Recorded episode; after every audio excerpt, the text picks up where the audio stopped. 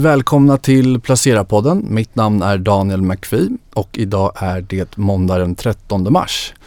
Idag har jag bjudit hit en gäst för att få lite mer klarhet i vad som faktiskt har hänt på den amerikanska bankmarknaden, vilka konsekvenser det kan tänka sig få och hur man ska tänka som investerare.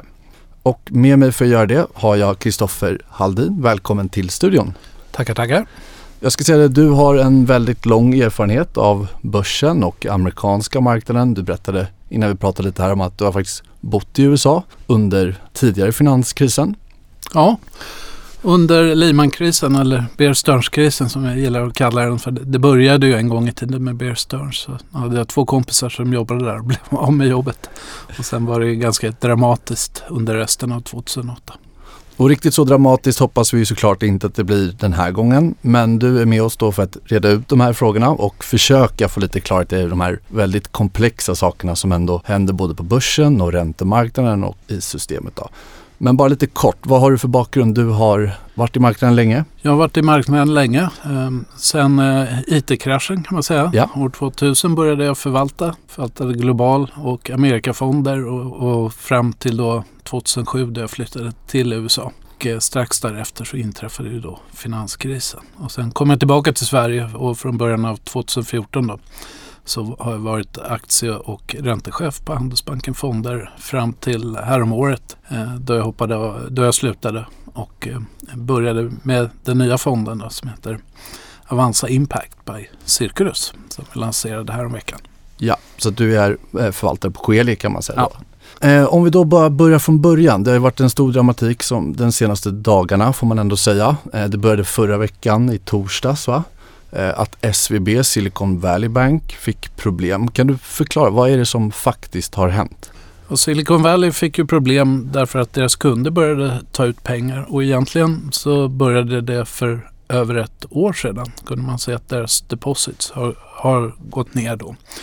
Och samtidigt så har um, Silicon Valley Bank då haft stora inflöden under många år och de har placerat det i amerikanska statsobligationer. Men, uh, och de har, gav ju då en ganska låg ränta.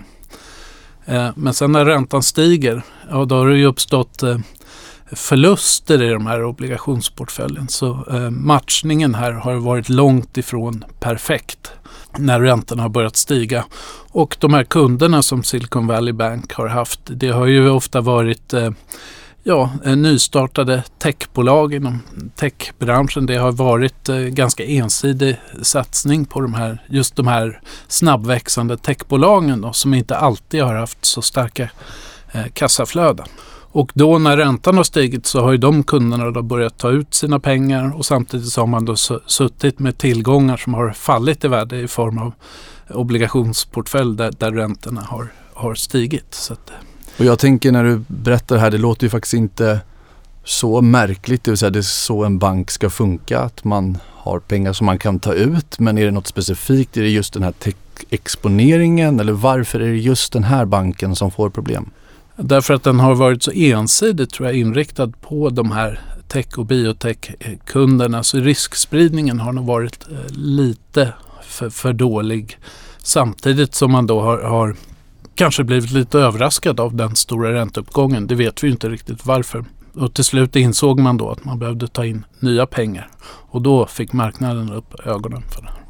Och därför kanske man inte ha, ska ha sin exponering så ensidig då. Och sen så bör man ju kanske också då ha, ha en ränteportfölj med en god spridning. Och det kanske var svårt att få för man var tvungen att placera de här pengarna som man fick någonstans. Och då känns ju statsobligationer som ganska säkert. Men man kan ju också förlora pengar på statsobligationer när räntan stiger då, vilket den gjorde kraftigt under förra året. Mm. Och måste bankerna placera i eh, statsobligationer eller är det här någonting de gör för att tjäna pengar eller hur funkar det systemet? Skulle de kunna rent teoretiskt sitta med mer likviditet och kunna hantera den här situationen? Ja, de skulle ju ha kunnat ha kortare räntepapper då än vad de hade till exempel. Uh, så det är väl frågan hur de, men det är ju svår, väldigt svårt att ha inblick i hur, hur, hur de har tänkt och varför de har gjort som de har gjort. Eh, vi får väl se om vi får svar på det så småningom. Det Du pratade om att det här var någonting som skedde redan för ett år sedan. Eh, är det någonting du tror att man skulle kunna förutse tidigare än vad man har gjort Det nu? man började se för ett år sedan det var väl att kunderna började ta ut pengar och det kan ju bero på att det här var väldigt många techbolag då som kanske inte har så mycket, som kanske inte tjänar så mycket pengar idag utan har då också drabbat, deras kunder har också drabbats av, av de stigande räntorna har haft, eh, och har därför behövt ta ut pengar under en längre tid och det har inte varit lika lätt att göra nyemission eller gå till marknaden och ta in pengar som tidigare och därför har de haft behov då. Och det, är ju, det kan ju vara risken med att vara lite alltför ensidigt exponerad mot en sektor då som hamnar i problem. Så det är väl lite symptomatiskt då att det här har ju varit en bank som har verkligen varit i en tillväxtsektor eh, där det har startats väldigt många nya bolag och sen så börjar räntorna stiga, priset på pengar går upp och allting är inte lika enkelt som det var tidigare.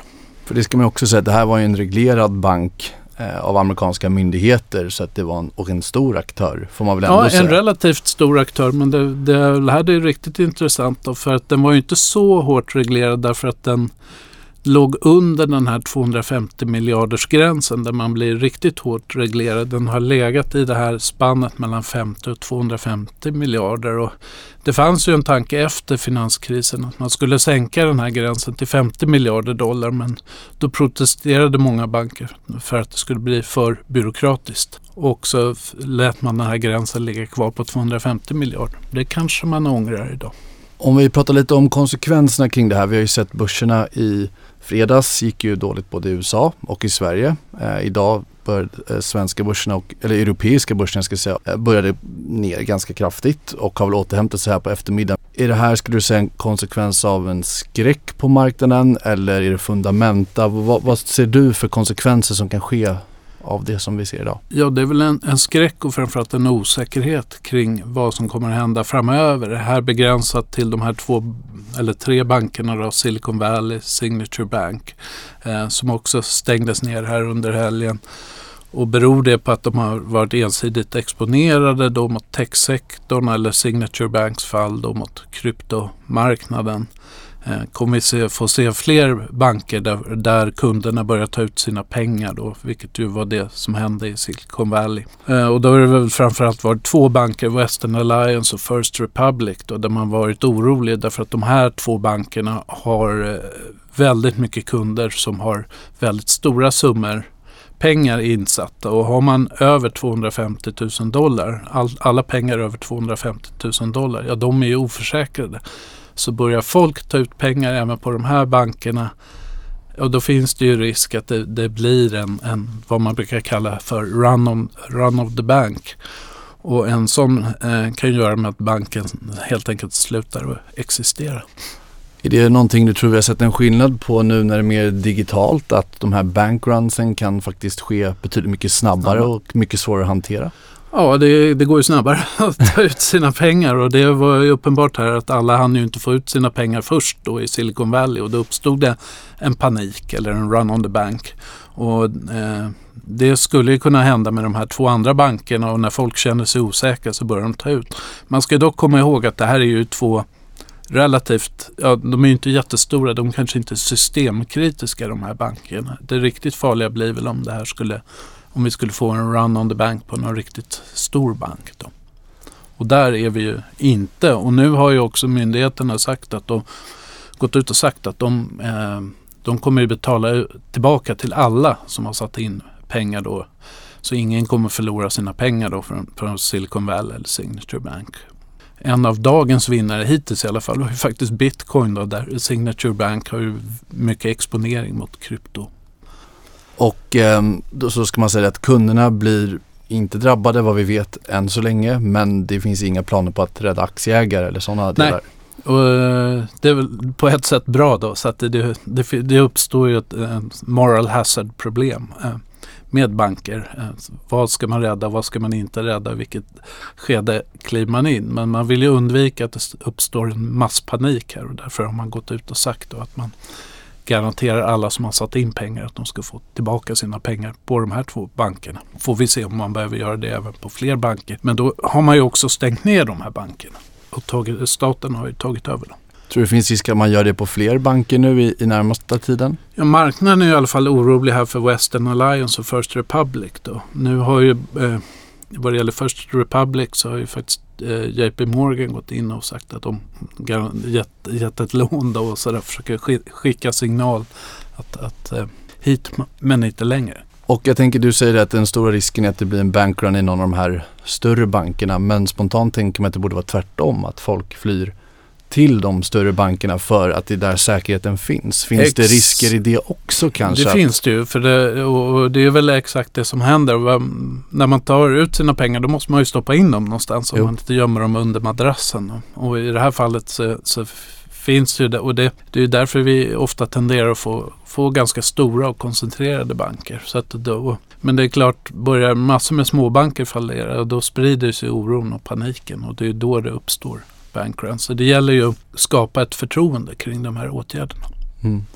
Kan det sprida sig och ske någon liknande effekt i Sverige eller hur tänker du kring det? Nej, jag tror att vi har eh, i Sverige är det väldigt hårt reglerat. Det är ganska bra risk, eller det är bra riskspridning i de banker som finns. Jag ser inte att den här paniken har uppstått. Eh, Silicon Valley Bank var ju, var ju ganska unik. Det var ju många private equity och venture capital firmor som hade sagt åt sina, sina bolag att stoppa in sin, sitt, sin överskottskassa i de här bankerna och se till att vara kund där. Och då fick man en väldigt ensidig exponering. Och nu börjar ju folk prata i marknaden om det här med räntorna och vi har ju sett, vi har en, ett år bakom oss där det har varit kraftigt uppåtgående räntor och centralbankerna har höjt. Tror att det här kan få påverkan på, vi har sett marknadsräntorna har gått ner, eh, både i USA och i Sverige. Vi har haft en väldigt kraftig nedgång i marknadsräntorna idag och marknaden har ju prisat, nu får vi se hur det slutar, men marknaden prisade bort de här eh, Fed-höjningarna som låg. Så att eh, saker och ting förändras ju väldigt snabbt. Och vi såg också hur eh, fastighetsaktier, i alla fall på svenska börsen, gick väldigt bra och att vi ser att även räntekänsliga bolag, ska mm. man säga, på amerikanska marknaden har gått upp medan vi pratar. Eh, hur tänker du kring det? Finns det någon liksom relevans i det? Tror du att Fed kommer ändra sin syn på det här? För du pratar ju ändå om att det är ganska isolerat just till att det var en ja, Än så länge. Ja. Men Fed kommer säkert avvakta och se hur utvecklingen blir här. Men mm. om man tittar tillbaka till tidigare finanskriser så har man ju ingripit och då har man ju ibland i vissa fall till och med sänkt räntan då för att undvika att få en bankkollaps. Och det kommer man ju göra även här. Man kommer ju till varje pris försöka undvika och än så länge så ser, ju, ser vi ju inte att det här har blivit systema någon systematisk bankkris. Och det behöver inte heller bli det och då kan det bli en ganska kort blipp i kurvan så att säga. Och om några veckor kanske vi är tillbaka på, på den vanliga banan igen. Men det här är ju någonting som Fed måste ta in i sin kalkyl. Det har ju spridit sig till fler regionala banker så får vi se om det slutar där. Men just nu måste de ju, de måste ju ta hänsyn till det, se hur det spelar ut och sen lite senare då säga att ja, det var en engångshändelse. Eller om det finns ett större problem här och känner sig spararna trygga med att ha sina pengar på de här regionala amerikanska bankerna. USA har ju, har ju väldigt många banker fortfarande medan vi i Sverige då har en mycket mer koncentrerad bankmarknad. Och om vi pratar om eh, dina egna tankar, nu har vi kommit eh, ganska kort in på det här. Det låter som att det är väldigt mycket osäkerhet. Men vad är din egna magkänsla, så här, du som varit inne i marknaden länge. Vad, vad kommer hända nu kommande veckor? Jag tror väl ändå att det, var, att det varit en ganska unik händelse med just de här regionala bankerna som har haft en, en en mismatch i, i, sina portföljer. Och att man, man kommer kunna reda ut det. Men det är också ett symptom på kanske att pengar var lite för billiga lite för länge och nu eh, så ser man det, det som göms i snö kommer upp i tö på något sätt. Så att vi kanske får några fler sådana här händelser. Men jag tror inte att det är en systemkris eller 2008 då, av det vi vet nu. Sen kanske det kommer fram andra saker men, men det känns ändå som, som Silicon Valley Bank och Signature Bank var, var lite två undantag.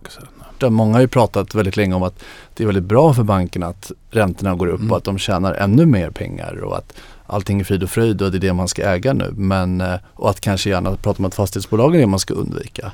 Ja, och det, därför så ble, kom det väl nu som en överraskning då och därför kanske reaktionen i bankaktier blir så väldigt kraftig då. För att det, det är svårt och det kan ju bli lite av en black box. Man vet inte riktigt hur, hur man matchar sina tillgångar och skulder i en bank alltid. Det, det får man gräva djupt man kanske inte alltid får veta allt då. Um, så det är svår materia men generellt kan man ju säga att det här, de här lite stigande räntorna som vi har haft och sånt borde, har ju varit gynnsamt för, för banksektorn om man tittar globalt som helhet. Om vi då pratar om eh, aktiemarknaden. Mm. Du är fondförvaltare, vi ska inte gå in på den. Men eh, vad tänker du kring börsen nu då och aktier? Det kommer vara lite rörigt här framåt eller finns det möjligheter för att de faktiskt får ordning på det här ganska snabbt? Och hur tror du aktiemarknaden tolkar det? Vi fick ju dramatiska fall på marknadsräntorna. Men om vi pratar börsen, vad, vad tänker du? Ja, lägre räntor, om de stannar kvar här nere, kunde ju också ses som någonting positivt på börsen. Då. samtidigt så tror jag att det är också en signal om att osäkerheten har, har ökat på marknaden. Och Därför behöver vi få klarhet kring de, här, de andra regionala bankerna. Att de kommer att överleva, att kunderna håller kvar sina pengar och att det lugnar ner sig. Det kommer kanske ta någon vecka eller några veckor innan vi har en tydligare bild framöver oss. Men, men då kan man ju se att det kanske har uppstått eh, möjligheter också i en sån här marknad på bolag som, som eh, är väldigt, väldigt intressanta långsiktigt där, där kurserna kanske har gått fallit rätt så mycket. Till exempel inom biotechsektorn kan man nog eh, tänka sig att man kan hitta en del spännande bolag just nu då. Och där kanske man får en möjlighet att, att köpa på sig. Just för att du tänker att det finns ingen koppling till det som sker nu eller? Nej, det, det, finns ju en oro då för att finansieringen för tech och biotechbolag att det kommer att bli svårare. Men den oron har ju funnits redan tidigare i och med att räntorna har stigit. Men det finns ju alltid bolag som har, har bättre möjligheter än andra och, och strukturellt växa och fortfarande locka till sig kapital. Så att, eh, men, men i en sån här eh, sell-off som vi får nu på marknaden då säljer ju ofta alla aktier av samtidigt. Så att, eh, det gäller väl att plocka guldkornen här nu då. Och om vi går tillbaka lite till 2008 där du var med i marknaden. Finns det några som helst likheter du ser idag och, och vad är det för olikheter som man inte ska blanda ihop med det som vi ser idag? Ja, det finns ju vissa likheter så tillvida att det är ofta väldigt svårt att, att se vilka, vilka banker som kommer att, att, få problem. Som jag var inne på, det är lite av en blackbox.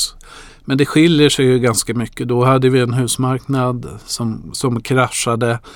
Vi hade en finansmarknad som bestod av massa ja, märkliga lån som hade buntats ihop, så kallad subprime om någon kommer ihåg det. Och man sålde de här vidare då i, till, till andra investerare. Och till slut så, så kollapsade allting. Här nu har vi en situation där, där räntorna har stigit under, under, inte en jättelång tid, men en, en relativt lång period. Vi vet att finansieringen har blivit svårare för många bolag. Och sen uppstår den här situationen, men det, det kommer ju inte direkt som någon nyhet att det har blivit svårare att finansiera sig och så vidare. Utan vi har kommit en, en bra bit på, på den här vägen och höja räntorna och sånt. Vi, var, vi kanske redan har nått toppen nu då, efter det som har hänt. I alla fall det som marknaden signalerar just nu. Då.